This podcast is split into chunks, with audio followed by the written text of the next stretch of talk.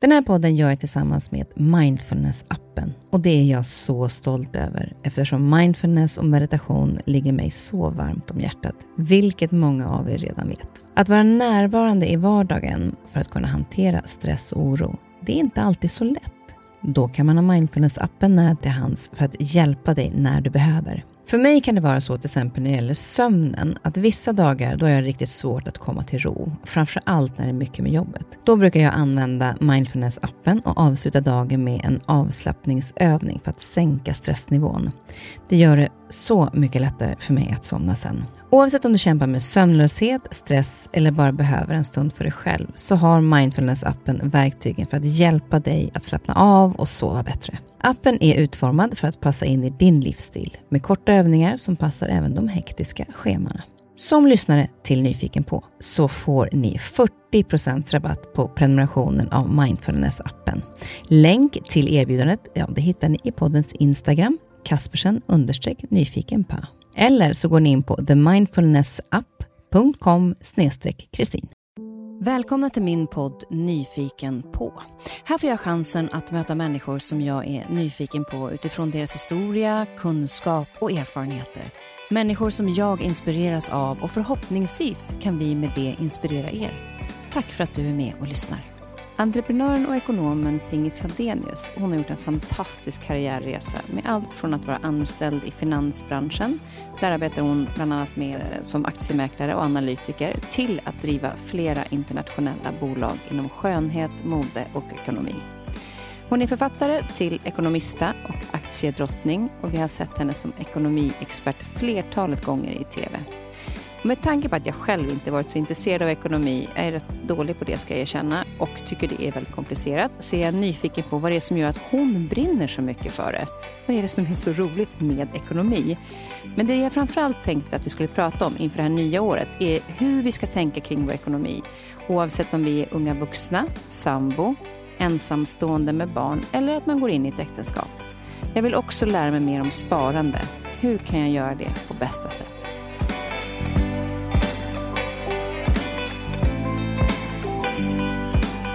Men jag tänker bara att vi kör helt enkelt. Så fikar vi sen lite grann efteråt. Nu ser jag att det här ljuset håller på att slockna. Det tycker jag är lite tråkigt. Välkommen Pingis! Tack! Alltså fantastiskt roligt att du är här. Ja, jätteroligt. Och sen så ska vi ju prata om någonting som jag nästan tycker, alltså jag tycker att det är lite läskigt. Eh, ekonomi. Ja. Och du älskar ju det. Ett, nu är det ett nytt år. Mm. Eh, det har varit ett tufft år bakom oss på många sätt. Många har drabbats olika hårt såklart, men framförallt med hälsan. Eh, men också har många drabbats ekonomiskt och därför tänker jag så här, nu när det är ett nytt år så kan vi liksom peppa folk och tänka lite på ekonomin och hur vi ska se framåt och möjligheter. Ehm, men innan vi går in på det så skulle jag bara vilja höra lite grann, för du gör ju så otroligt mycket saker. Och förutom att du är mamma nu till en underbar liten tjej, vad händer mer i ditt liv just nu? Ja, alltså för mig så, jag har konstaterat att det här med att jobba är ju också min stora hobby. Min man är jätteduktig inom kappsegling så jag har ställt mig själv frågan vad har jag för hobbys? Och det är ju att driva bolag. Och jag lekte bolag som liten. Så det finns en enkel förklaring till Så det började redan när du var liten? Ja, absolut. Jag drev bank hemma bland annat. Lånade ut eh, pengar till min syster, betalade ut lön till familjemedlemmar och så vidare. Sålde saker. Så att det är ju en lek för mig med jobbet, så jag är otroligt passionsdriven. Så eh, jag har eh, en del styrelseuppdrag. Eh, jag har eh, mitt bolag Ekonomista och eh, lägger mycket tid på ett bolag där jag är arbetande styrelseordförande som heter Hemply Balance som ska börsnoteras i år. Alltså 2021. Mm. Så spännande. Eh, jag tänker på just det när du säger att där man leker ekonomi när man är liten. Eh, ekonomi har ju faktiskt inte varit något stort intresse. Jag, sökte, jag gick ekonomisk linje i tre månader, men jag slutade när jag hade typ 8 av 63 eh, på matteprovet, för jag insåg att då kanske jag är på fel ställe. Men varför började du då? Därför att, det, därför att det fanns inte så många alternativ att välja mellan. Och så tänkte jag så ekonomi behöver man ju alltid. Eh, så det tänkte jag att det är ju bra att kunna, för jag visste inte vad jag ville jobba med. Men jag kommer ihåg när min mamma, när jag var med henne på turné, så fick jag jobba som påklädare. Och då skulle hon betala ut min lön. Och Då fick jag pengar, men så fick jag också ett papper där det stod så här, skatt, sociala avgifter. Och då var skatten tre kramar, sociala avgifter, en puss och två kramar. För att hon så här, på något sätt ville visa att du måste betala tillbaka. Alltså vissa grejer så ger man liksom, och sen får du Jag tyckte det var så fint sätt att börja liksom, introducera. Jag vet inte ens varför jag kommer ihåg just den grejen. Men mm. den har mm. verkligen satt sig i att det är inte bara att få en lön, utan det är någonting annat också. Mm. Eh, och Det tänkte jag vi ska komma in lite mer på. Men när det gäller ekonomi så gick jag ut nu på Insta eh, och frågade mina jag säger Insta till Instagram och frågade mina följare vad de tycker om ekonomi. Tycker ni att ekonomi är kul? Svaret var 30% ja och 70% nej. Vad tror du är orsaken till att det faktiskt är så övervägande att folk inte gillar ekonomi? Ja, men det är för att man inte har en... Eh, jag skulle jämföra, du är ju en fantastiskt hälsosam människa. Jag skulle jämföra det med om du skulle ställa samma fråga om träning. För vissa är det superkul. Man har skapat en härlig relation, man mår så himla bra av det där träningspasset. Om du läser om människor som har blivit friska genom en skilsmässa, säger vi, genom att träna inför ett maraton. Du kommer över den här nivån när du får en härlig energi och en härlig, bra relation med pengar. Precis som med din träning. Jag kan till exempel aldrig hoppa över ett träningspass. Och det är inte för att det är någon pekpinne utan jag mår inte bra om jag inte får träna. Och jag har ju alltid haft eh, en nyfiken, glad inställning till pengar. Det fascinerar mig. Eh, det är På mätbart. Ja, men till exempel, jag har ju drivit bolag i många år och eh, Löwengrip Beauty som jag hållit på med mest, där var det för mig hela tiden eh, ledsnöret var hela tiden att jag ska slå budget. För då var det så tydligt för mig också, du pratar mycket om självledarskap. När man är entreprenör så får man ju leda sig själv väldigt mycket. Och så var det ju, var ju grundare och vd i det bolaget i eh, sju, åtta år.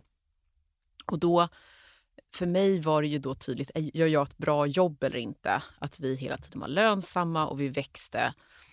Eh, både att vinsten och omsättningen växte. Och det var ju då ett så tydligt mått för mig att jag gjorde ett bra jobb. Så jag gillar nog det konkreta i det.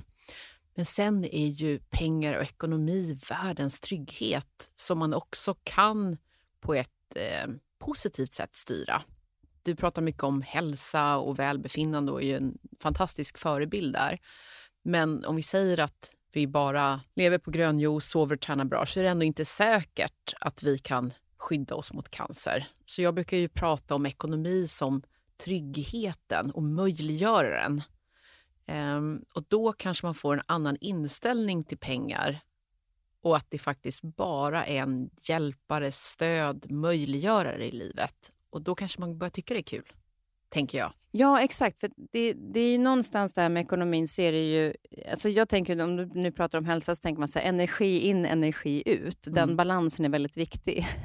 Det tycker jag är för mig naturligt. Men att spara, det är liksom inte Eh, jag kanske inte har varit så bra. Jag tycker liksom livet är här och nu och då tycker jag det är liksom kul att eh, använda lite pengar som jag har fått in att göra roliga saker för. Så jag tror att det här med sparandet, vi kommer att komma in på det lite, när, lite längre fram, för jag känner att jag har en hel del att lära. Det är ju kul att man ändå är 51 och känner att det här vill jag lära mig mer om.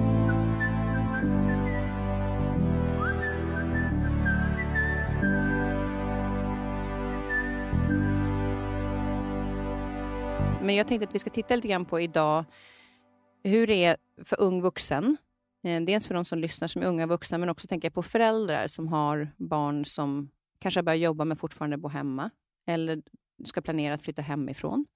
Vi kommer att prata om, om singlar, alltså som singel, att man bor själv, har det boendet. Eh, sambo. Eh, och också kanske att vi pratar lite grann om när man gifter sig sen, om det blir annorlunda då ekonomiskt och hur man ska tänka. Och lite grann kring det här ensamstående med barn till exempel. Eh, så det är lite grann det vi kommer, sen kommer vi säkert komma in på massa andra saker också, men vi håller oss liksom inom den här privatekonomin och hur man kan tänka. Mm. Och eh, försöka se liksom möjligheter, så att man känner så att ja, men det här året ska jag känna mig peppad över att det här faktiskt känns. Så att den här siffran, kanske 30-70, kan ändras lite. Mm. om vi ska börja då med ung vuxen. Vad ska en ung vuxen som har slutat plugga och säg har börjat jobba, inte flyttat hemifrån än. Vad har den unga vuxna för ansvar att tänka på gentemot att betala hemma, och hur ska de tänka kring kanske sparandet redan där? Till att börja med så är det ju så här att, att just den ekonomiska biten, där faller ju ansvaret väldigt mycket på föräldrarna. Man kan titta på amerikanska undersökningar eh, som till exempel pekar på att det ekonomiska beteendet, den kunskap man har som barn, vilar till nästan 90 procent på föräldrarna. Så att den, kallar det för grundutbildningen som du får inom ekonomi, handlar väldigt mycket om inte bara vad föräldrarna lär dig utan också hur de agerar med ekonomi. Eh, så tar jag mitt eget fall så har ju jag inspirerats väldigt mycket av mina föräldrar men väldigt mycket av min farmor och mormor också. Nyfikenheten, intresset, respekten för pengar. Så det tror jag man ska tänka mycket på som förälder att det är inte alltid bara här vad man säger utan vad man gör.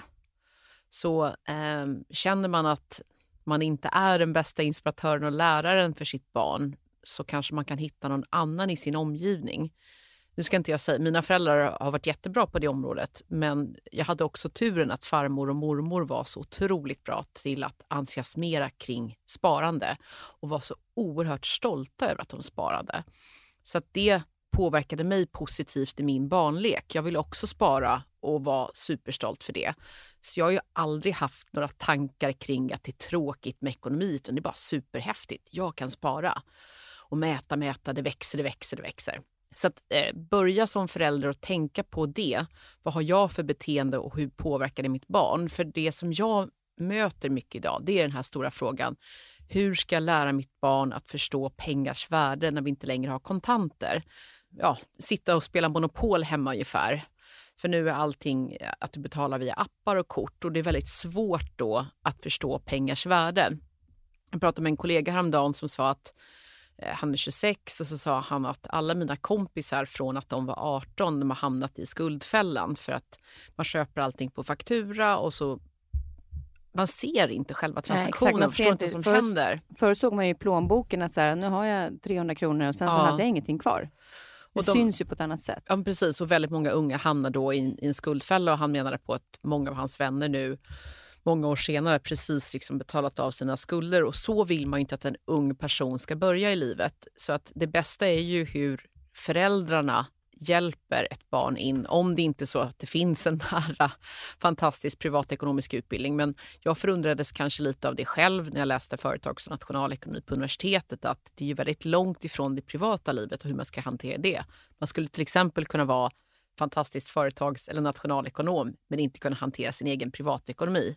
Du kan heller inte gå en kurs hos banken det som kan vara en fördel om man har pluggat och kanske levt på studiemedel, det är ju att då har man inte så mycket pengar att röra sig med om man inte får pengar någon annanstans ifrån.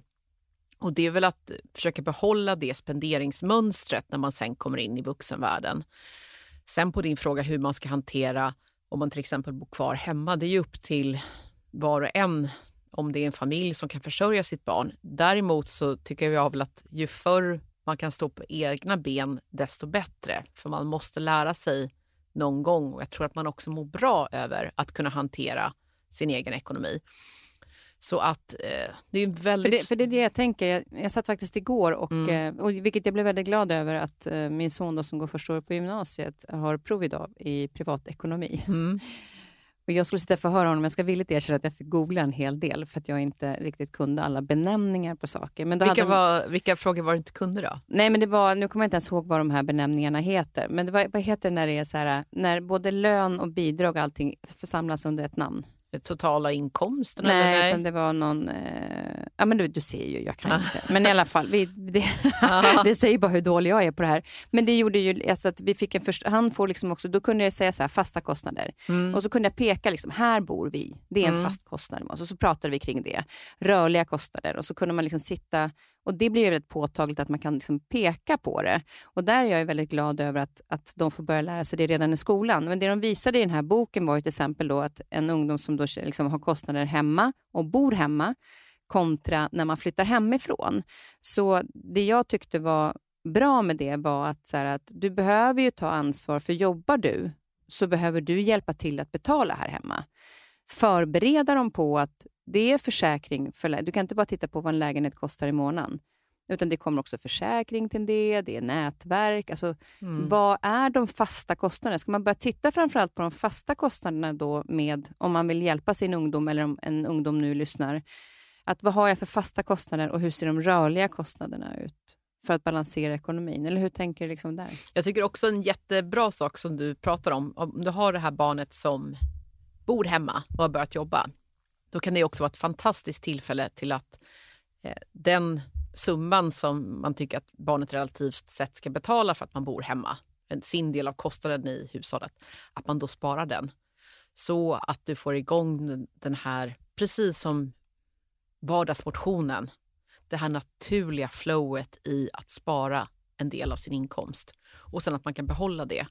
Och jag tror också att eh, precis som att det är lättare med någon som har börjat träna lite grann och öka sin träning än att ta det här första steget så är det likadant med sparande. Det handlar om att komma igång. Så kan du i en sån period få ditt barn att spara så att när väl han eller hon flyttar hemifrån har ett litet kapital som man är stolt över, då tror jag att det är lättare att den effekten sen fortsätter och att man börjar skapa den här positiva relationen till ekonomi och pengar. Just det. Och är det då, säg att det är föräldrar, för vissa föräldrar har kanske inte den förutsättningen att kunna spara alltihop, utan de Nej. kanske också behöver hjälp för att större barn äter mer mat, Mm. Alltså sådana saker. Så kanske man kan spara en liten del. Mm. Alltså så här, även om det inte är de här, om säg att han betalar 5 000 kronor i månaden för mat och husrum och alltihopa, så kanske man lägger undan 1000 kronor. Alltså så att man börjar någonstans, att man inte hela tiden, för just det här med tanke på att det är olika förutsättningar för hur olika lever. Ja, och sen så kan man ju också, om man går tillbaka till hur vi har levt långt tillbaka i tiden, så är det här med gemensam hushållsekonomi. Kanske ett tråkigt ord, men jag minns ju när jag var liten, för att jag var så intresserad av ekonomi. Och så insåg jag att vi lägger nog ganska mycket pengar på mat, för det är ju en väldigt stor kostnadspost. Det är ju min lilla familj nu med man och en dotter. Och då satt jag med mina föräldrar och sa, jag vill se och så skulle jag då börja styra över hur vi handlade. Så jag fick mina föräldrar, att vi började storhandla, vi sparade alla kvitton och gick igenom det. Och det är ju lätt idag också när man kan få digitala kvitton att de inte försvinner. Då tycker jag man ska göra, är det en vuxet barn som bor hemma, ja men då kan man ju ha ekonomimöten. Ursäkta att det låter tråkigt, det kanske Kristina bara skruva på näsan. Ekonomimöten. Mm, precis. Ehm, men prata om och säga så här. Du pratade också om tidigare hur man ska dela på ekonomin. Vi, vi gör enkelt så här att man har 10 000 säger vi, i månaden som man kan spendera. Bidrag, inkomster och så vidare. Då kan man ju gemensamt sitta och prata om hur ska vi fördela det här? Kan vi gemensamt spara 10% som jag tycker är en bra grundregel? Ja, men då har vi 9 000. 5 000 eh, eh, går till mat. Är det rimligt? Och så får man liksom alla hjälpas åt till att man håller till de 5 000. Och vi säger eh, hyran är 4. Ja, men då har vi spenderat 4 på eh, hyran eller boendets omkostnader. 5 på mat. Vi har sparat 1000. Så att man sitter och, och aktivt engagerar sig i det, för då blir det också mer meningsfullt och alla känner att de får vara med och påverka och så att man också synliggör det. Eh, en annan fråga är ju om man då till exempel har ett gemensamt konto eller att man som barn kommer överens om att man ska betala en viss summa varje månad. Är alla delaktiga i hur de pengarna ska fördelas så tror jag också att engagemanget blir bättre, förståelsen och så vidare.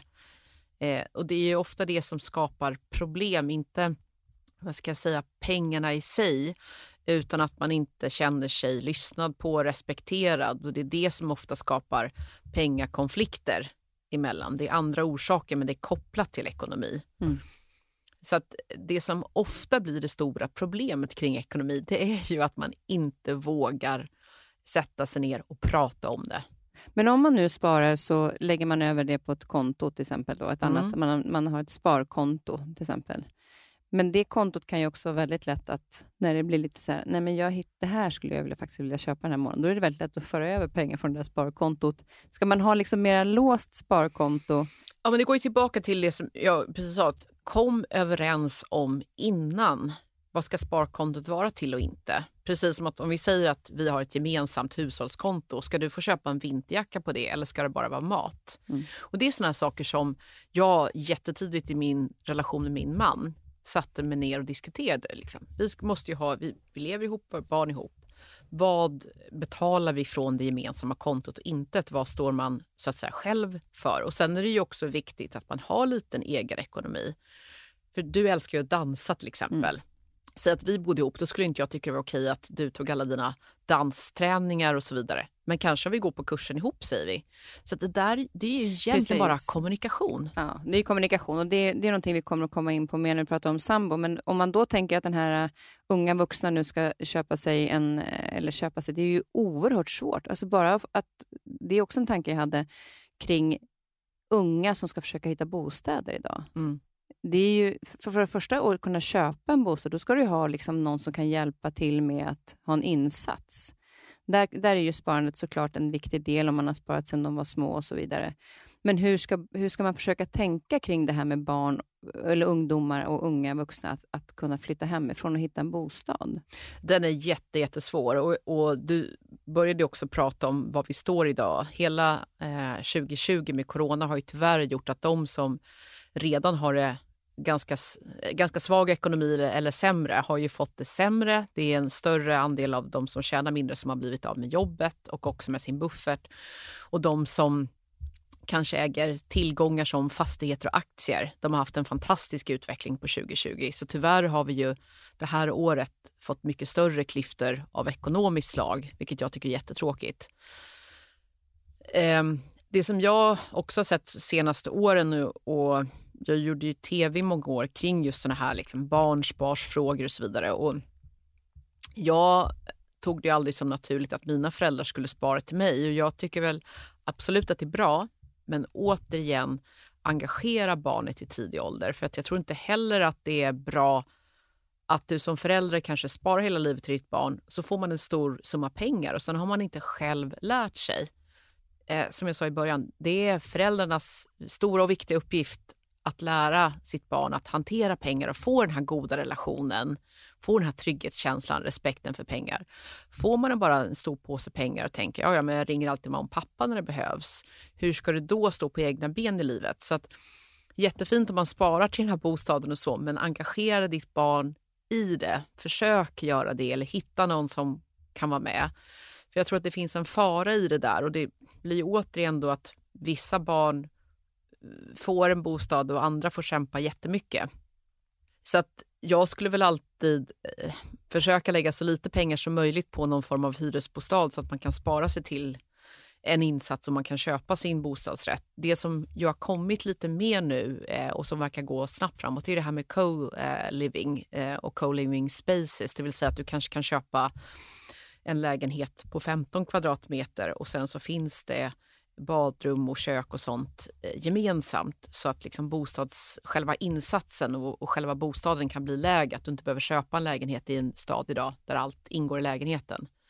Det tror jag kan bli en möjlighet för många unga när det gäller bostadsfrågan.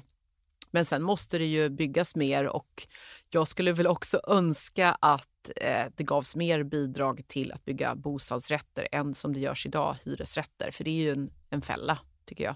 På vilket sätt då? Nej, men då lägger du ju pengar på en bostad som du inte äger. Och just att äga sin bostad skulle jag önska att alla fick göra. Eh, och det kan vara kanske din, din viktigaste trygghet, alltså tillgångsmässigt. Eh, att man gör livet. också en bostadsresa. Ja. I, eh, från, och min, också om man tittar på välmående och psykologi eh, så är ju Maslows behovstrappa eh, ens hem, tak över huvudet, det är så otroligt viktigt. Eh, så att det är klart att det är fantastiskt på ett sätt såklart att, att det finns eh, hyresrätter, men det är inte en, heller en perfekt fungerande marknad. Och jag skulle vilja önska att alla hade möjlighet att äga sin bostad. Det kan ju vara en början och sen så att man försöker spara där vid sidan av just när man ja. har hyresrätter. Mm. För när man väl då har flyttat hemifrån så kanske man inte riktigt har koll på de, de kostnader som faktiskt ingår i det. Mm, förhoppningsvis har man fått med sig lite grann hemifrån, att man förstår. Skulle du räkna då, när man flyttar hemifrån, räkna in till exempel sparandet som en fast kostnad? Jag tycker att eh, 10 av ens inkomst ska man spara. Och Det lätta sättet att göra det är ju att det inte är det som fanns över eventuellt i slutet av månaden, om det är då man får in nya pengar. Utan att när man till exempel sitter och betalar räkningar eller om det är autogiro, att man har en autogiroavsättning eh, varje månad. Så man inte jag... hinner se de där pengarna? Precis, det går automatiskt. Och eh, just att man ser att sparandet är den här bufferten som kan vara möjliggöraren. Jag älskar att se mina pengar växa. Det är ett sånt välmående för mig. Så jag har nog, jag kan faktiskt inte komma på att jag någonsin har tagit från mitt sparkonto eh, för konsumtion. Liksom sprungit och köpt någon dyr väska eller någonting. För att eh, glädjen och välbehaget i att se sparkonto, liksom investeringar och sånt växa, den, det är en sån boost för mig. Jag vet att min bror sa att han såg det där som sin pärlhög. Och jag vill inte ta av pärlhögen, sa han. Jag tyckte det var en också så härlig beskrivning. Och vad använder du sparandet till? Ja, men jag ser ju det som möjliggöraren. Så när jag någon gång i framtiden, det kan ju vara till exempel eh, att kunna köpa en bostad eller ett hus eller starta ett företag. Eh, det som det handlar om är ju att det är tryggheten och möjliggöraren i livet. Så att du har det här, eller du kanske som älskar dina barn så mycket skulle vilja kunna investera i någonting som de startar eller ni vill köpa ett hus ihop i Frankrike säger vi, någonting. Att ha dem där eller att du inser att jag vill flytta till Australien.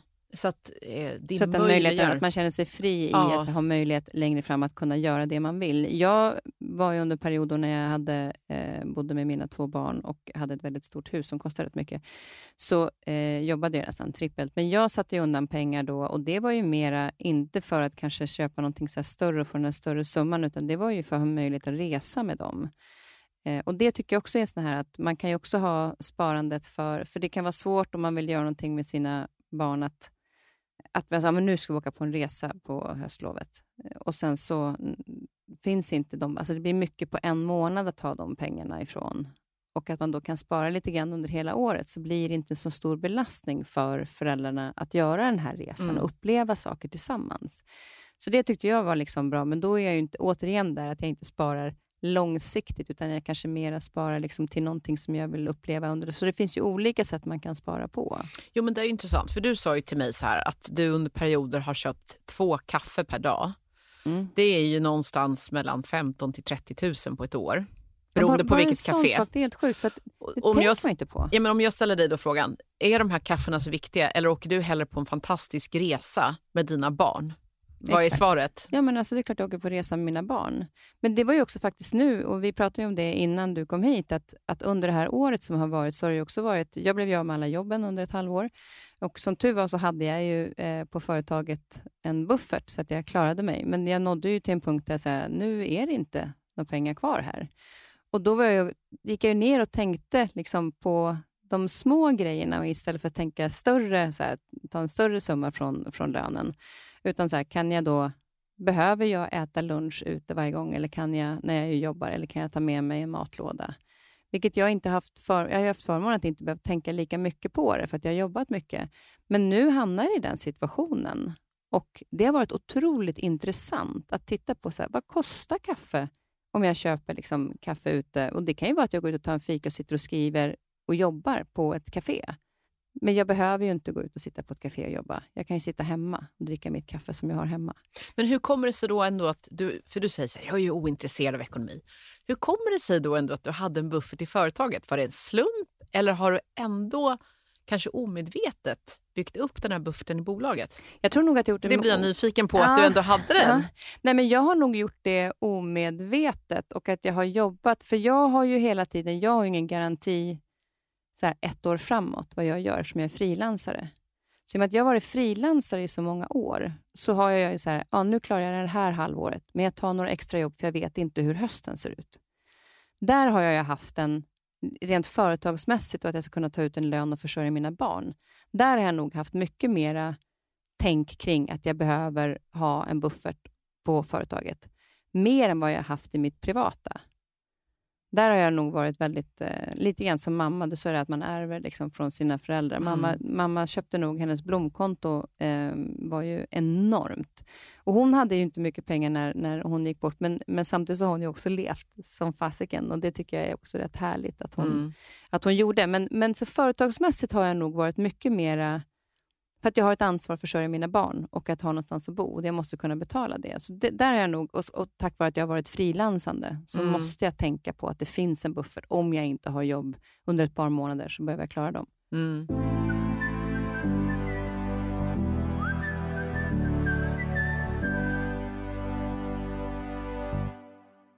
Men, men om vi då kommer tillbaka lite grann, för vi har varit och pratat om, om, om ung vuxen och när man då flyttar hemifrån så kanske man tänker då så här, titta på vad har jag för fasta fasta kostnader, så man vet att det här kommer jag betala varje månad. Och de här, är det de rörliga då som man kan styra? Typ, jag behöver inte dricka kaffe ute. Man måste ju titta på sitt beteende. För är det exempelvis så att man pluggar eller jobbar någonstans där man kanske då inte säger vi kan ta med sig lunch, så måste man ju titta på vad har jag för levnadsmönster? Håller jag på med någon sport eller någon hobby som kostar mycket? Eh, behöver jag kort för att åka buss eller något liknande? Mm eh, kollektivtrafik. Så att, eh, man måste ju titta på hur ser en normal månad ut. Eh, så att det inte blir så att man går ut och äter lunch varje dag en vecka och sen var pengarna slut. För det är dit man inte vill komma. Och sen eh, kan det ju vara vissa saker som kommer säsongsvis. Alltså att du behöver vinterkläder eller vad det nu än eh, kan vara. Så att man behöver ju... Lättast är ju att skriva ner de här sakerna så att man ser. Och som du säger, saker som man kanske inte tänker på är telefonabonnemanget eller om man behöver uppkoppling hemma, försäkringar och vad det nu än kan vara. Eh, försäkringar kan ju bli ganska stor utgift om man har många försäkringar. Och du som har husdjur vet ju också att det kan bli en hel del kostnader också. Har du ja, räknat absolut. på det? Jag har inte räknat. Jag hade en kompis som, skulle, som uh, köpte en hund eh, året efter mig, min hunds faktiskt lilla syster. Och hon gjorde ett Excel-ark och liksom la ner kostnader och tid och sånt där. Jag bara, Excel-ark ska Alltså jag har ju inte den förmågan. Jag tänker så att det, typ, det löser sig. men vad kostar ditt hunddagis på ett år? Eh, ja, 12 000 kanske. Mm, och det är ju rätt så mycket pengar. Och, medan, och det är ungefär vad ett barn kostar på förskolan. Skillnaden är ju att när du skaffar en hund så står det för alla kostnader. Du kan inte få något bidrag. Nej, Nej och det är sant. Precis. Mm. Och där var faktiskt en sån här, just när du nämner eh, det här hunddagiset, då, då var det en sån grej som nu under hösten som jag fått tänka på och som jag också förklarat för mina barn. Och Absolut inte för att ge dem något dåligt samvete eller så, utan mer bara så att förstå att så här går det till. Det finns inte en, en, en skål med massa pengar, för det, det synliggörs ju inte på samma sätt idag, utan det är ju liksom, eh, det är swishas, kan du mm. swisha liksom. Eh, och då var det att min ena son, då, han ville ju börja gå och träna och det tycker jag ju såklart är jätteviktigt att han verkligen vill. Eh, och då kostar det 500 spänn i månaden. Och då tänkte jag så här, men då kan jag ha min hund inte på dagis de gångerna, så att jag tar bort de 500 kronorna därifrån. För att hon kan vara med mig på jobbet. Och Då kändes det också så bra att jag balanserar. Att jag liksom, det som går ut där kanske jag ska spara någon annanstans, som inte är superviktigt för mig. Mm. Eh, och det, där har jag liksom det har varit väldigt häftigt ändå med, om man ska se positiva saker, när jobbiga saker händer som pandemin, att jag får ju lära mig att se det på ett annat sätt och att jag synliggör kostnaderna på ett annat sätt och tänker till. Mm. Eh, det var faktiskt rätt häftigt och det var också väldigt skönt att prata med dem om. Att det är inte så att jag har en pott med pengar och bara ger er. Utan någonstans så får vi ju tänka till på det. Och Det har vi också gjort när det gäller till exempel välgörenhet. Där, hade jag en, en eh, där har jag liksom en, en, summa varje månad som jag ger och där har jag bestämt mig att den här summan varje månad ger jag i välgörenhet. Och Då var det min son för några år sedan som eh, när de här tiggarna satt och så är det en dam som är, liksom, jämt sitter på samma ställe och hon är väldigt, väldigt gullig och han tycker så här, varför kan du inte ge henne pengar? Så, så att, dels så vill jag hellre ge henne vantar eller något, något något att äta. Men, mm. men då så sa jag det att det, jag kan absolut hjälpa till, men då måste jag titta på de andra sakerna. För att vi har vår ge bort-pott. Och Sen är det upp till dig, så kan vi titta på vad är det vi ger bort till nu, så får vi prioritera, för man kan inte hjälpa alla. Men det viktigaste är att vi hjälper till. Och Det var också en sån här påtaglig sak som jag ändå visade tydligt. Sen vet jag att jag liksom, säger de swisha så, så är det lätt att jag gör det kanske. Utan att de egentligen att jag inte... Ja, men där, är jag nog, där måste jag nog bli tydligare. Jag vet inte om de tycker det är så bra att vi har det här samtalet, du och jag, för jag kommer bli hårdare med var, var, varför ska jag swisha för? Ja, fast jag tror också att man kanske gör bättre aktiva val då. Och om, om du säger då att det här gymkortet är jätteviktigt. Jag har haft sådana där diskussion med min man. att men Absolut, betal, köp det där gymkortet, men du spelar ju tennis också och du seglar och du är ute och springer. Kommer det faktiskt vara värt det? Vi har ju eh, hamnat väldigt mycket i en sån här abonnemangsdjungel idag. Nätverket hemma, telefonin och sen alla dessa eh, Netflix, Seymour, you name it. Eh, jag tror att man i snitt har uppemot tre abonnemang nu.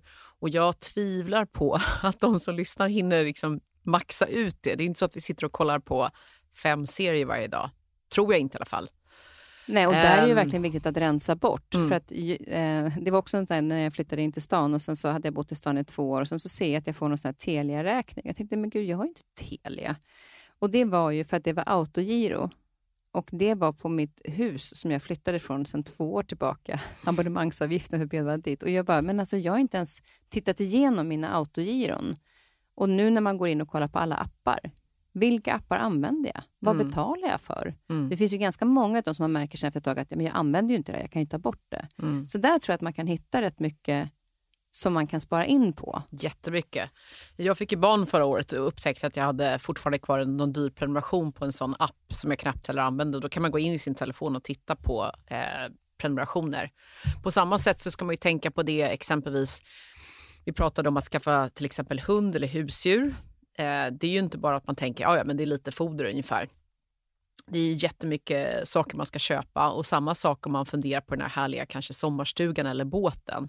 Att det blir så mycket mer kostnader. Jag har liksom slitit mitt hår över det eh, med våra hus på Fårö för att där måste du betala el året om och det är väldigt dyrt på Gotland och du kan, till skillnad från vi säger att bredbandsabonnemang som du kan stänga av till och från så kan du inte stänga av elen.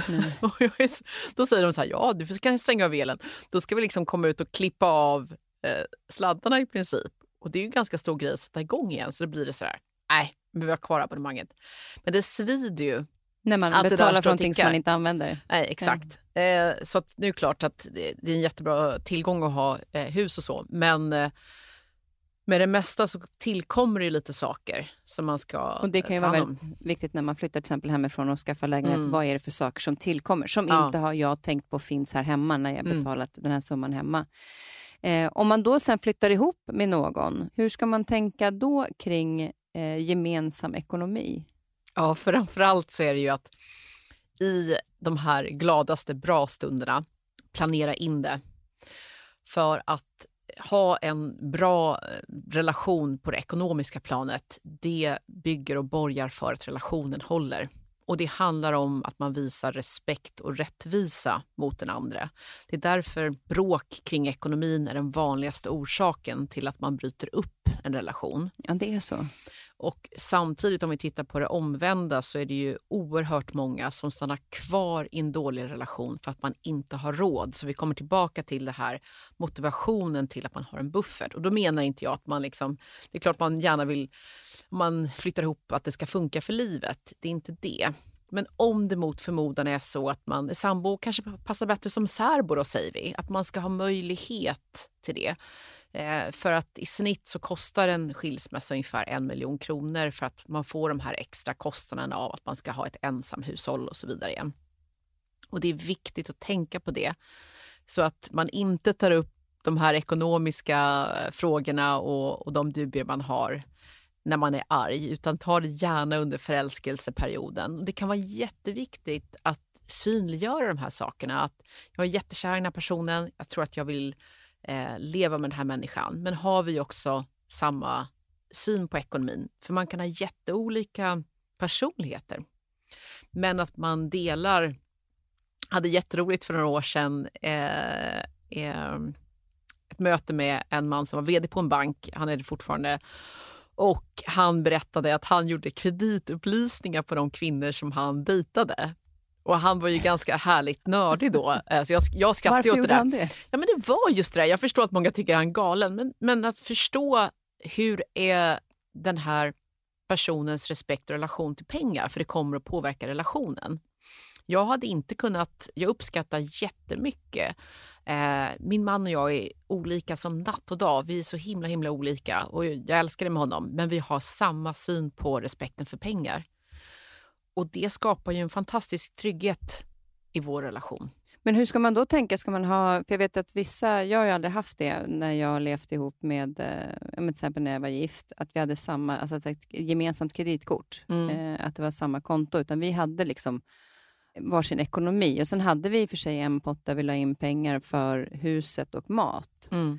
Även om jag tror att jag många gånger också, han också köpte liksom på sitt eget kort. Men det fanns liksom ändå, vi satte in där pengar för, för huset. Och det tyckte, personligen så tyckte jag att det var ganska skönt. För att då, ja, men som du sa förut, skulle jag gå danskurs eller vilja köpa en jacka så kände inte jag att jag tog av hans pengar.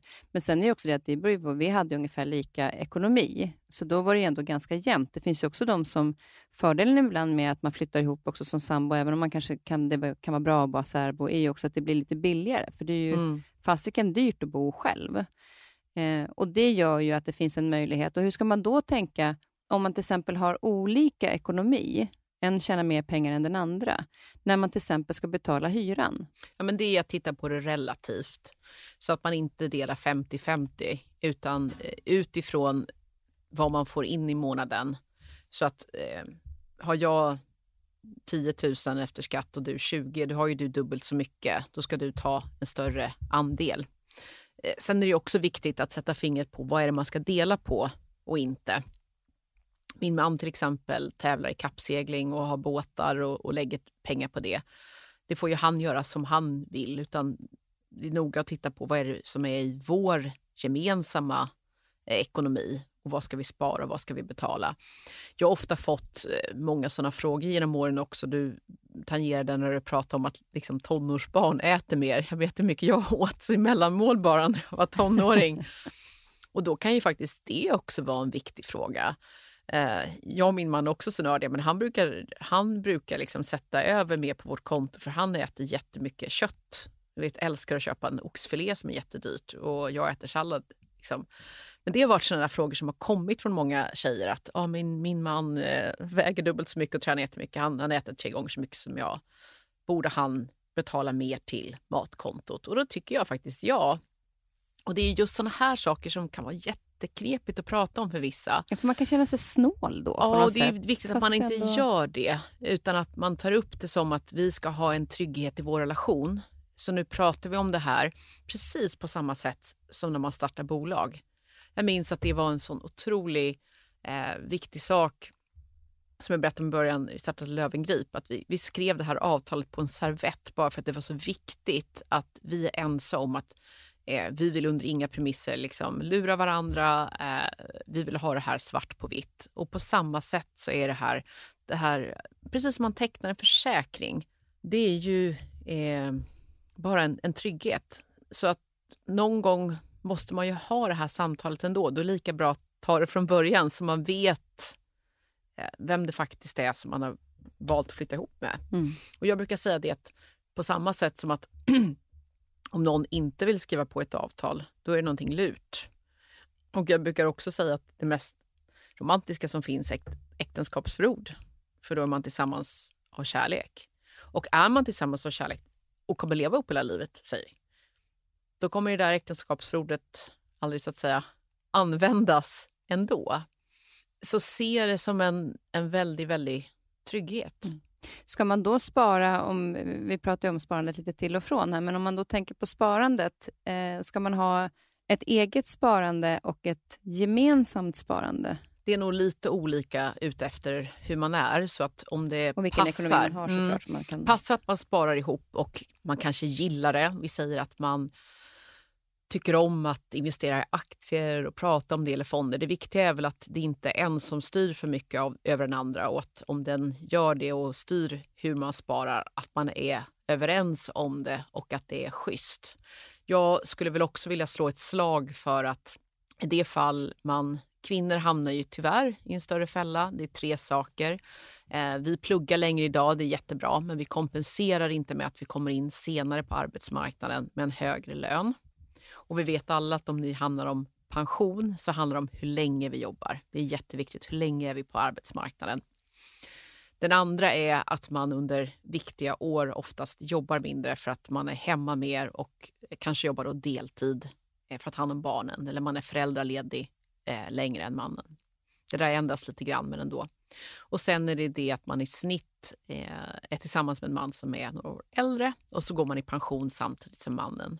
Och då får man det här återigen med kortare tid på arbetsmarknaden. Och det här är sådana saker som är svåra att, att mäta, men som jag tycker man också ska jämna ut. Och där kan ju till exempel, eh, om det är man och kvinna, så kan man föra över en del av sin premiepension. Och, och eh, jag tycker också att kvinnor borde tänka på det att tar man det här större ansvaret hemma, man kanske vill det, men att man kompenserar för det obetalda arbetet som vi ofta kallar det för, om det är hemma eller med barnen. Eh, för det kommer göra jättestor skillnad och det är sådana saker som kan bli jätteproblematiska om man till exempel...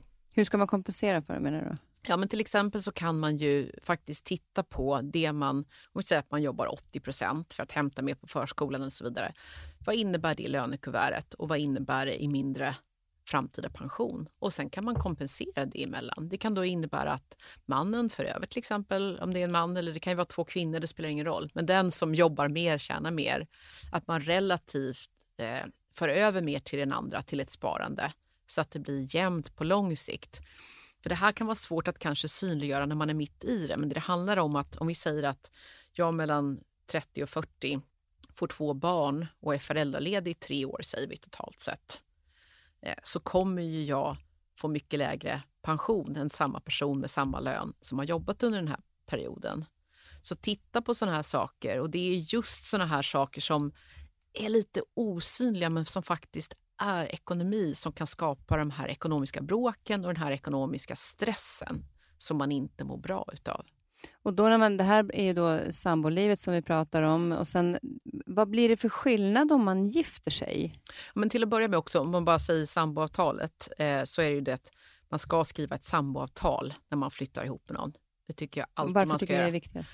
Ja, det är återigen det här med att det är svart på vitt. Man skapar en trygghet i relationen, man tar ett ansvar, man vet var man står. Det är lite att riva av det här plåstret. Jag, jag tycker ändå bara är positivt, för det handlar om kommunikation. Har vi en trygg kommunikation med varandra så kommer det skapa bättre förutsättningar för relationen som helhet. Vi kan prata om ekonomi, eh, vi kan prata om hur vi ska ha det, hur vi ska fördela kostnader. Då har vi det tryggt och klart. Nu kan vi lägga fokus på kul och kärlek i relationen och inte ha det här gnagandet. Mm, det är jag som alltid handlar. Mm, det är jag som städar. Var det nu än är. Gör klart det där, sen är det klart. Och ett samboavtal kan vara jätteviktigt, särskilt om man... Eh, många sådana frågor kommer upp i den här ekonomistagruppen som jag har på Facebook. Just det här, jag flyttar in hos min respektive.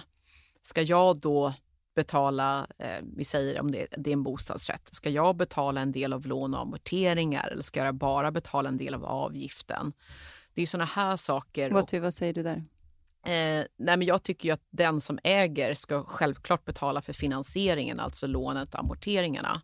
Sen är det väl då en annan fråga om man skulle eventuellt köpa in sig. Då ska man ju betala relativt av det. Är det bra att köpa in sig tycker du, om, om till exempel om jag träffar någon som har en bostadsrätt och att jag betalar in mig i bostadsrätten så att vi äger den tillsammans, eller i alla fall en del av det? Ja, det skulle jag säga för att jag tycker att det alltid är positivt att man äger sitt boende och jag tror också att det skapar en bättre jämvikt i relationen så att man inte känner sig som inneboende om du förstår vad jag menar. Och att man äger tillsammans. Men sen är det ju beroende på eh, vi säger så här att du har ett sommarställe och så att man kanske äger någonting annat. Det kan ju vara väldigt individuellt såklart. Men då har man ju fortfarande en mm. trygghet mm. och sen mm. är det att man kanske inte heller har förutsättningar att köpa in sig Nej. heller. Så det är inte, det är inte så att jag tar för givet att, att man har råd att köpa in sig till i den bostadsrätten som man flyttar in ja. i och då kan man ju utgå ifrån det. Men, men om möjligheten finns eller att man har någon annan form av trygghet. För att förhoppningsvis så leder det ju liksom till att man gifter sig och att man har bra och lever lyckliga alla dagar. Men det kan ju också sluta på annat sätt. Men om vi börjar med att man tänker att man gifter sig, blir det några andra Eh, alltså regler och förhållanden som man ska tänka på när det gäller ekonomin från att gå från sambo till att gifta sig? Ja, det är en ganska stor skillnad eh, och det är väl framför allt att du automatiskt får en mycket, mycket större trygghet och det är säkert så att många kvinnor då som kanske eh, har en större del tyvärr obetalt arbete och så vidare. Då får man ju en mycket, mycket större trygghet om det är så att man skulle skilja sig. Liksom, då delas ju tillgångarna, allt blir ju gemensamt på ett mycket tydligare sätt. Så att i det fall det blir en skilsmässa, om man inte har skrivit äktenskapsförord då, till exempel, så ska det då delas hälften hälften. Och det är väl det som är den stora osäkerhetsdelen. Men det är också det att många eh, tror jag också, så här, det vet jag själv när jag är gift med, att just att det känns så här, ska vi skriva liksom såna här avtal nu? Vi har ju precis gift oss. Men det är ju då någonstans, jag tyckte nästan att det var lätt alltså så här, skönt att skriva det, för då, men, vi behöver inte oroa oss, vi ska ändå leva tillsammans. Eller, eh, jag skrev testamentet till exempel för ett år sedan. Eh, jag har inte tänkt att dö nu, men, men jag vet inte om olyckan är framme. Och Det var ju framförallt inte rädslan är att någonting ska hända mig, utan det var mer så att om jag inte... Efter det att jag hade skrivit det, så tänkte jag inte ens på det. Utan det var mer att jag, det tog rätt mycket energi av mig. Ja. Framförallt varje gång jag har rest till exempel, och, utan barnen. Då har jag varit så här, dagarna innan tycker jag är jätte, jättejobbigt. Därför att det finns så mycket som man skulle vilja säga eller göra. Så då har jag alltid skrivit brev till dem och gömt i ett skåp. För mm. ifall någonting skulle hända mig, så finns det i alla fall ett brev till dem. Och då har jag inte varit orolig att åka. Så det är bara det att jag har minskat min egen stress. Det är väl jätteskönt? Istället för att, att gå och oroa sig för någonting. För när jag har skrivit det, då är jag så här, nej men gud, det kommer ju inte hända mig någonting. Det, det enda oron att åka är ju att inte få säga till dem saker eller att de vet vad som händer med det jag har. Och sen har jag, sen har jag inte varit orolig att resa något mer. Bara man hade skrivit ner det. Jag tror att just den här inre stressen över så små saker som man kanske inte egentligen tänker på, stillar sig lite bara genom att skriva de här olika avtalen. Men hur gjorde du då när du skaffade barn med din respektive då? Kring det ekonomiska, tänker jag. Hade ni samtal kring det eller pratade ni om det? Nej. Nej. Löste sig det bra ändå? Det löste sig bra ändå. Och det är väl det som någonstans också så att nu har jag eh, barn med två män som inte har något problem att prata med. Eh, och inte heller när vi... Jag var ju gift en gång när vi skilde oss, så, så var det liksom inga större problem. Eh, och det, men det är inte alltid det, det går så smidigt för alla. Eh, för det finns ju andra orsaker till att man med bitterhet och allting annat som man kan vara arg över. Och det var inte för ekonomins skull som, vi, som var ett problem för oss, där vi var oense. Men det jag tycker oavsett så tycker jag att det är viktigt att ändå, vi hade ju ändå skrivit ett äktenskapsförord. Så att det var ju liksom inga frågetecken. Och det är klart att det kanske också hjälpte till, att det fanns ju där. Liksom.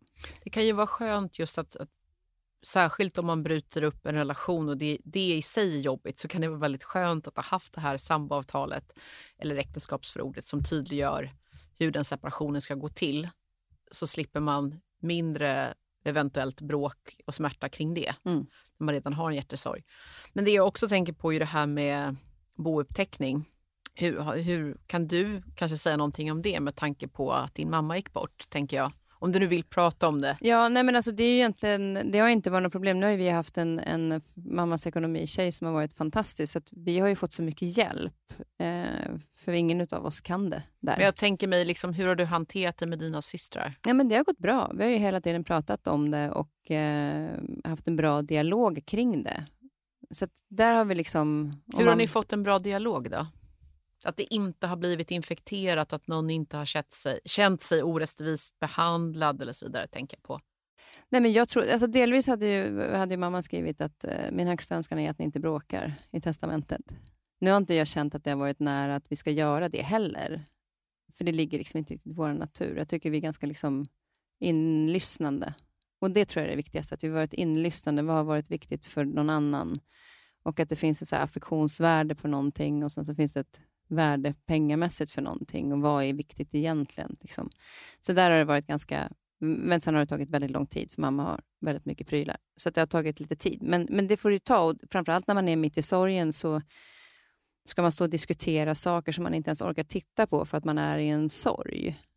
Eh, men vi har, vi har gjort det. Vi har, liksom gjort det, vi har haft ganska, eh, jag ska inte säga roligt på väg, men vi har försökt liksom göra saker på ett sånt sätt att säga, gud vad mamma var rolig som hade sparat de här sakerna. Hur tänkte hon nu? Alltså, nu senast när vi flyttade ut hennes lägenhet så hittade vi en grej i källaren. Jag tror att det är en gammal hårfön eller någonting sånt som står på marken. Det var någon kopieringsmaskin för mörkrum. Mm. Vad hade hon det till? ja, men sådana där saker. Så det har varit väldigt liksom, intressant att gå igenom alla hennes saker. Men, men där har vi liksom någonstans hela tiden försökt att tänka, varit inlyssnande till varandra. Och Jag tror att inlyssnandet och, och respekten för varandra, att vi har olika relationer också. Vissa saker är viktiga för en person och vissa för en annan. Liksom. Mm. Så det är ju en, en, eh, en ständig liksom, pågående sak, såklart. Men eh, vi har verkligen liksom försökt lyssna in varandra. Och Det har ju varit viktigt. Det kanske man ska tänka på generellt också när man är sambo. Att man lyssnar in. Hur känner du i det här? När man gifter sig, finns det någonting du är otrygg med? Att ha respekten för det. För att jag kanske kommer, om jag flyttar upp med någon, så har jag min erfarenhet och han har någon annan mm. erfarenhet. Liksom. Han kanske har blivit blåst och jag har aldrig blivit det, så jag förstår inte varför du är på mig hela tiden. Alltså, så det finns ju, vi kommer ju från olika håll och kanske ha den respekten någonstans. mm. eh, i det. Och när, förhoppningsvis så, så lever man ihop och lyckliga och har en bra ekonomi tillsammans. Men sen eh, blir det också så att, att eh, man separerar. Och en sak som man ofta kan hamna, alltså som blir känd, då, framförallt om man har barn, det är ju ensamstående med barn, eh, oavsett man eller kvinna. Det är ju en ganska tuff situation från att man har varit två till att gå till att ta hand om alla kostnader själv. Vad skulle du säga som råd där? Ja, den är nog eh, bland de tuffaste och kanske också om man initialt har separerat eller skilt sig på grund av pengabråk. Eh, för att då måste man ju också komma överens med den andra föräldern hur man ska hantera kostnaderna för barnen också. I en situation när man inte är överens. Mm. Till att börja med, och det är väl där det kommer igen då, att Eh, tyvärr lever många kvar i en dålig relation för att man inte har råd att separera. Och då eh, kommer vi tillbaka till de här sakerna vi har pratat om. Hur ska man göra med bostad? Det är dyrt. Det, vi har ju en struktur för hur man får låna idag som gör det väldigt svårt för vissa att ha råd att låna. Man kanske inte har kontantinsatsen och så vidare. Och den kan vara jätte, jättetuff. Så att jag tror att man ska försöka ta råd och stöd. Jag märker ju återigen jättemycket i den här gruppen som jag driver att det är jättemycket av sådana frågor och då är det fantastiskt att se hur andra kvinnor hjälper andra hur man ska agera här. Det är på den här Ekonomista på mm. Facebook. Mm. Så till att börja med så handlar det om att inte sätta sig i skuld. Eh, jag tror att det gör det lättare för alla om man pratar med sina barn om detta och så är det självklart så att försöka göra det så smart som möjligt.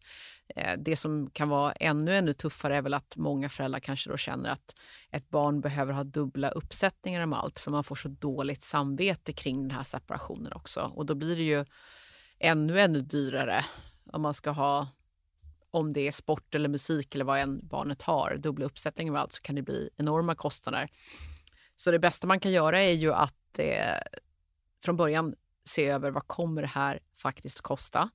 Och sen eh, försöka se till att man har sparat så pass mycket så att man klarar det här. För det är återigen det är tufft som det är. Och sen försöka se över hur man slipper dubbla kostnader på bästa sätt som det går såklart. För att det kommer tyvärr att bli dyrare. Men så någonting jag också vet är ju att, att det kan ju vara så när man också då separerar att en av eh, parterna kanske säger att de har bra ekonomi och den andra har sämre ekonomi. Och då blir det att med för barnens räkning, att så här, ja men med, om säger att mamman då tjänar mer, med henne gör vi så himla mycket roliga resor och vi får göra massa saker och där står pappan och har inte den möjligheten att göra samma saker. Finns det någon möjlighet att man ska kunna hjälpas åt i, i sådana såna delar, så att det någonstans blir lite lika, så att det inte blir en, en eh, tvist vart barnen tycker att det är härligt att vara? där skulle jag rekommendera alla att eh, ha ett gemensamt konto. Alltså, det som vi var inne på tidigare, liksom en relativ värdering. Eh, så har man, sig ett behov av att spendera så mycket på barnen. Det bästa är ju om man, det är väl det som ibland kan vara knepigt just i hettan där av separationen, att komma fram till sådana här saker på ett schysst sätt. Men det absolut bästa för alla och för barnen är ju självklart att man fortsätter att behandla barnen som en gemensam enhet del så att man för över på ett gemensamt konto så att om den ena ekonomiskt ska stå för 70 procent så gör man det och den andra då för 30 säger vi.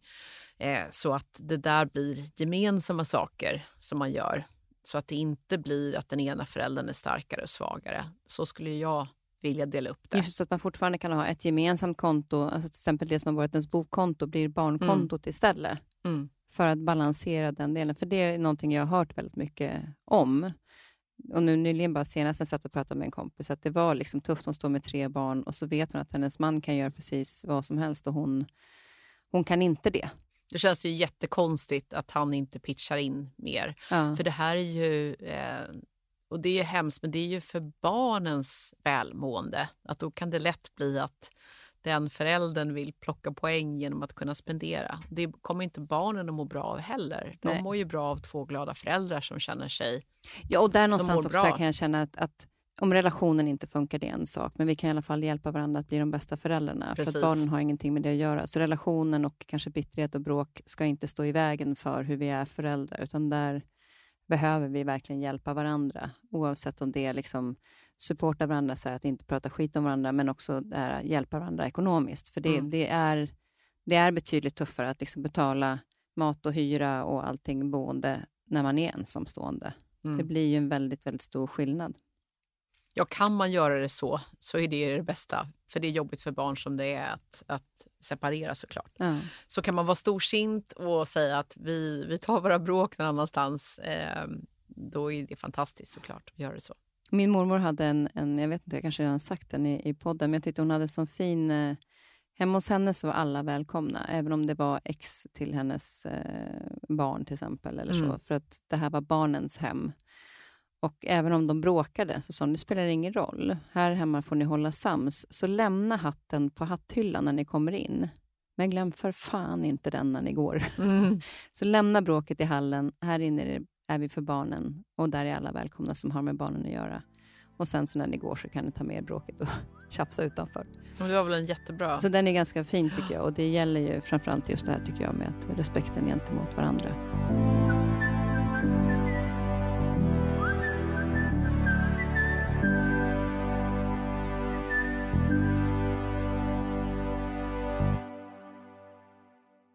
Det jag tänkte på var ju också det här med eh, jag har ju då ställt frågan på Instagram lite grann vad andra människor är nyfikna på när det gäller ekonomi.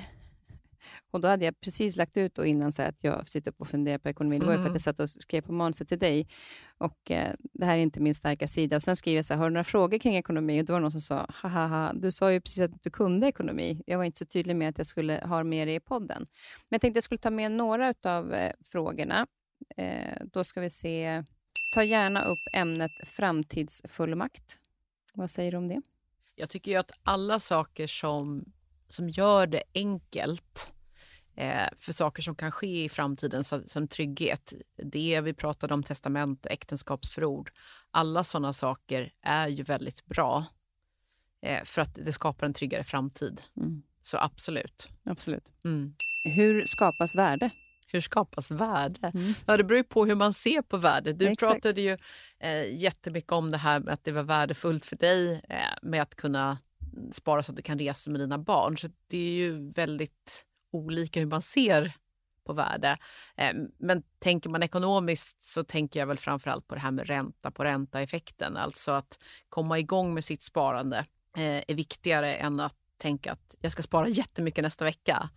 Ehm, samma sätt som träning. Så, så värde eh, ekonomiskt handlar oftast om att ju längre sikt, ju längre du sparar, desto mer och större värde blir det. Mm. Och vad man sparar till är olika beroende på ja. vem, vem som, eh, mm. vad som är viktigt för en. Eh, och sen så är det, det här tycker jag är lite härligt, för det, det är oftast där det spricker. Hur kan man hålla en budget? Jag är bra på att göra en budget, men svår att hålla den.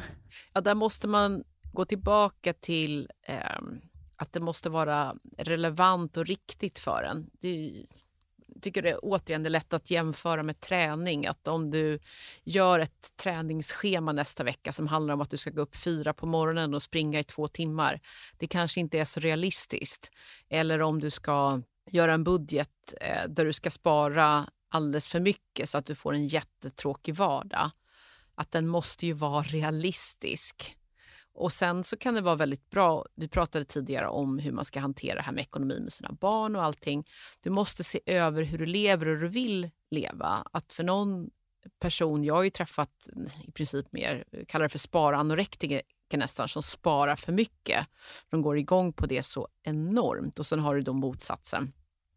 Så du måste matcha allt det ekonomiska med hur vill jag, hur vill jag leva och hur mår jag som bäst? För du mår ju inte heller bra av att du sitter där en söndagkväll och nu har jag gjort värsta budgeten och jag kommer kunna spara jättemycket.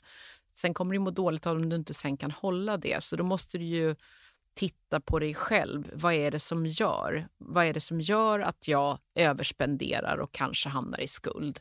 Det är ju någonting annat i ens beteende. Det kanske har att göra med hur man mår och ens självkänsla och massa saker. Då behöver man gräva djupare i det.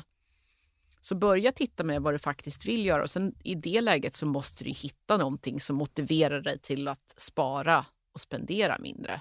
Ja, för här låter det som att han har gjort en, en budget som inte Alltså, just det som du säger med träning, att man ska träna fyra dagar i veckan, men jag har inte tid med de Nej. fyra dagarna. Det är bättre att skriva två dagar i veckan och så lär man sig hålla det och då kanske man blir ännu mer motiverad att ja, men då kanske jag kan tre. Ja, och sen måste det ju vara viktigt för... Det är som för mig är träningen någonting jag gör för mig själv, inte för någon annan. Så där tror jag går tillbaka till någonting djupare. Någonting som inte stämmer. Ja. Här är en, du var inne på att man skulle spara 10% av lönen, men man pratar inte om att sätta i fond till exempel. Alltså hur man ska spara det. Ja.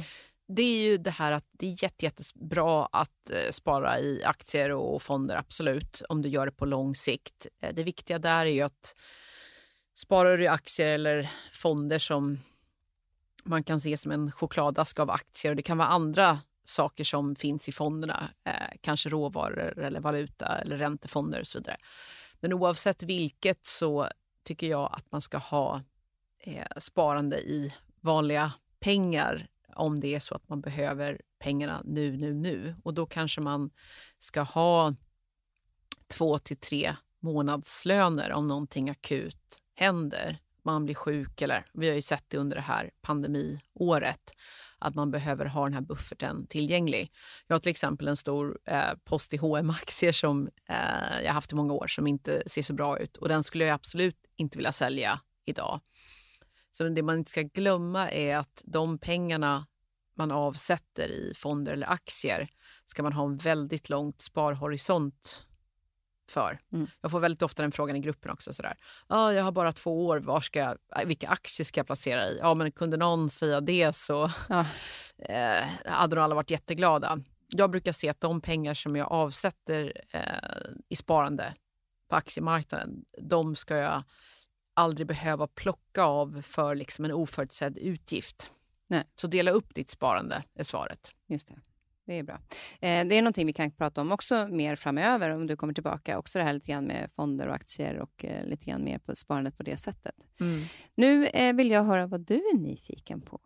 Och jag är ju en väldigt nyfiken person i största allmänhet och alltid väldigt nyfiken på människor. Och Det är väl det som gör att jag tycker det är väldigt, väldigt kul att driva bolag. Men det som jag ser att jag ska göra och satsa mycket på i framtiden det är ju kvinnors eh, hälsa och det har synliggjorts väldigt mycket eh, för mig genom eh, Hemply Balance, där jag då är styrelseordförande, att det är väldigt outvecklat allting kring det som man kallar för, för sexual wellness och femtech är väl benämningen Som är? för det. Mm.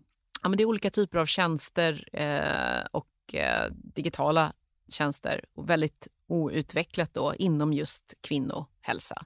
Eh, det kan ha att göra med eh, hormonell hälsa, eh, saker och ting kopplat kring eh, fertilitet eller olika perioder av livet eh, som, som vi går igenom. Där eh, vården eh, såklart är väldigt viktigt, men det saknas väldigt många hjälpmedel kring just hälsoaspekten och inte kring eh, just att du är sjuk, utan det som är förebyggande, det som är preventivt och det som är positivt och kul. Eh, där jag tror att man kan bygga upp väldigt mycket som, som stöttar Vad tror du man kan Vården. göra då i det?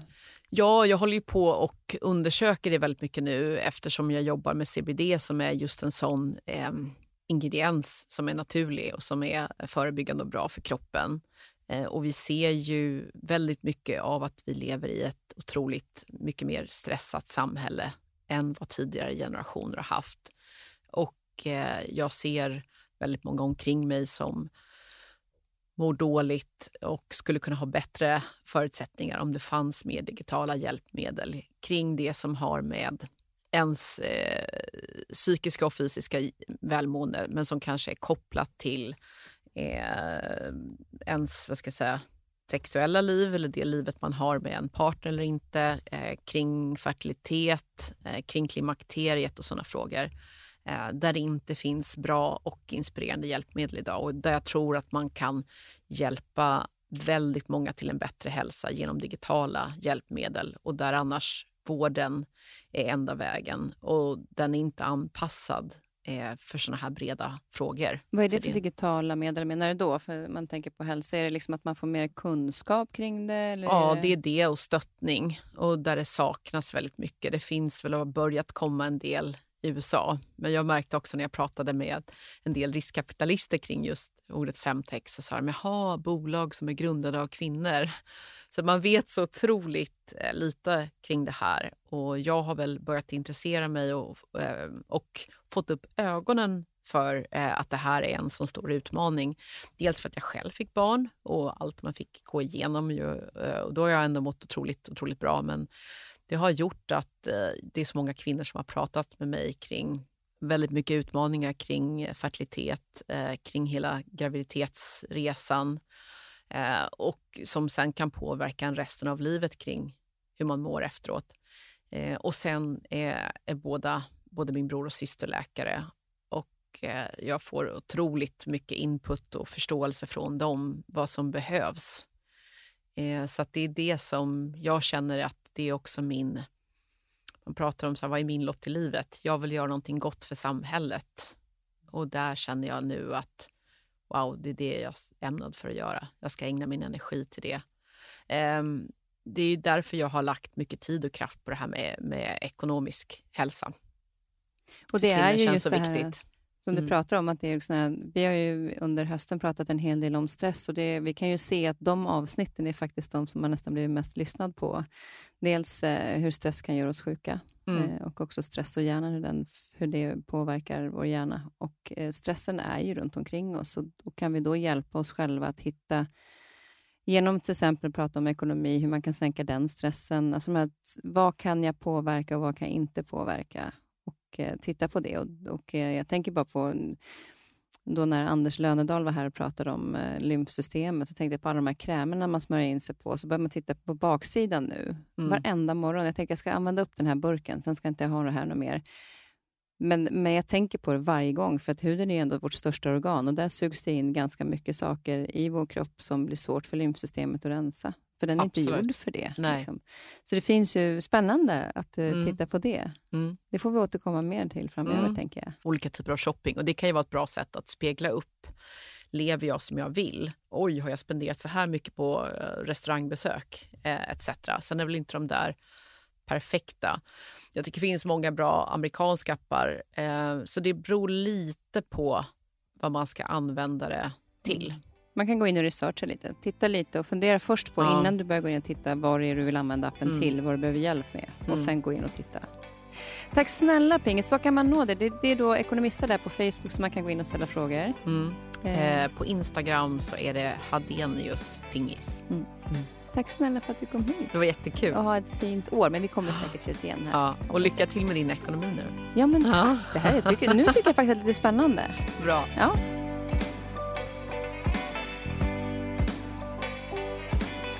Den här podcasten är producerad av Perfect Day Media.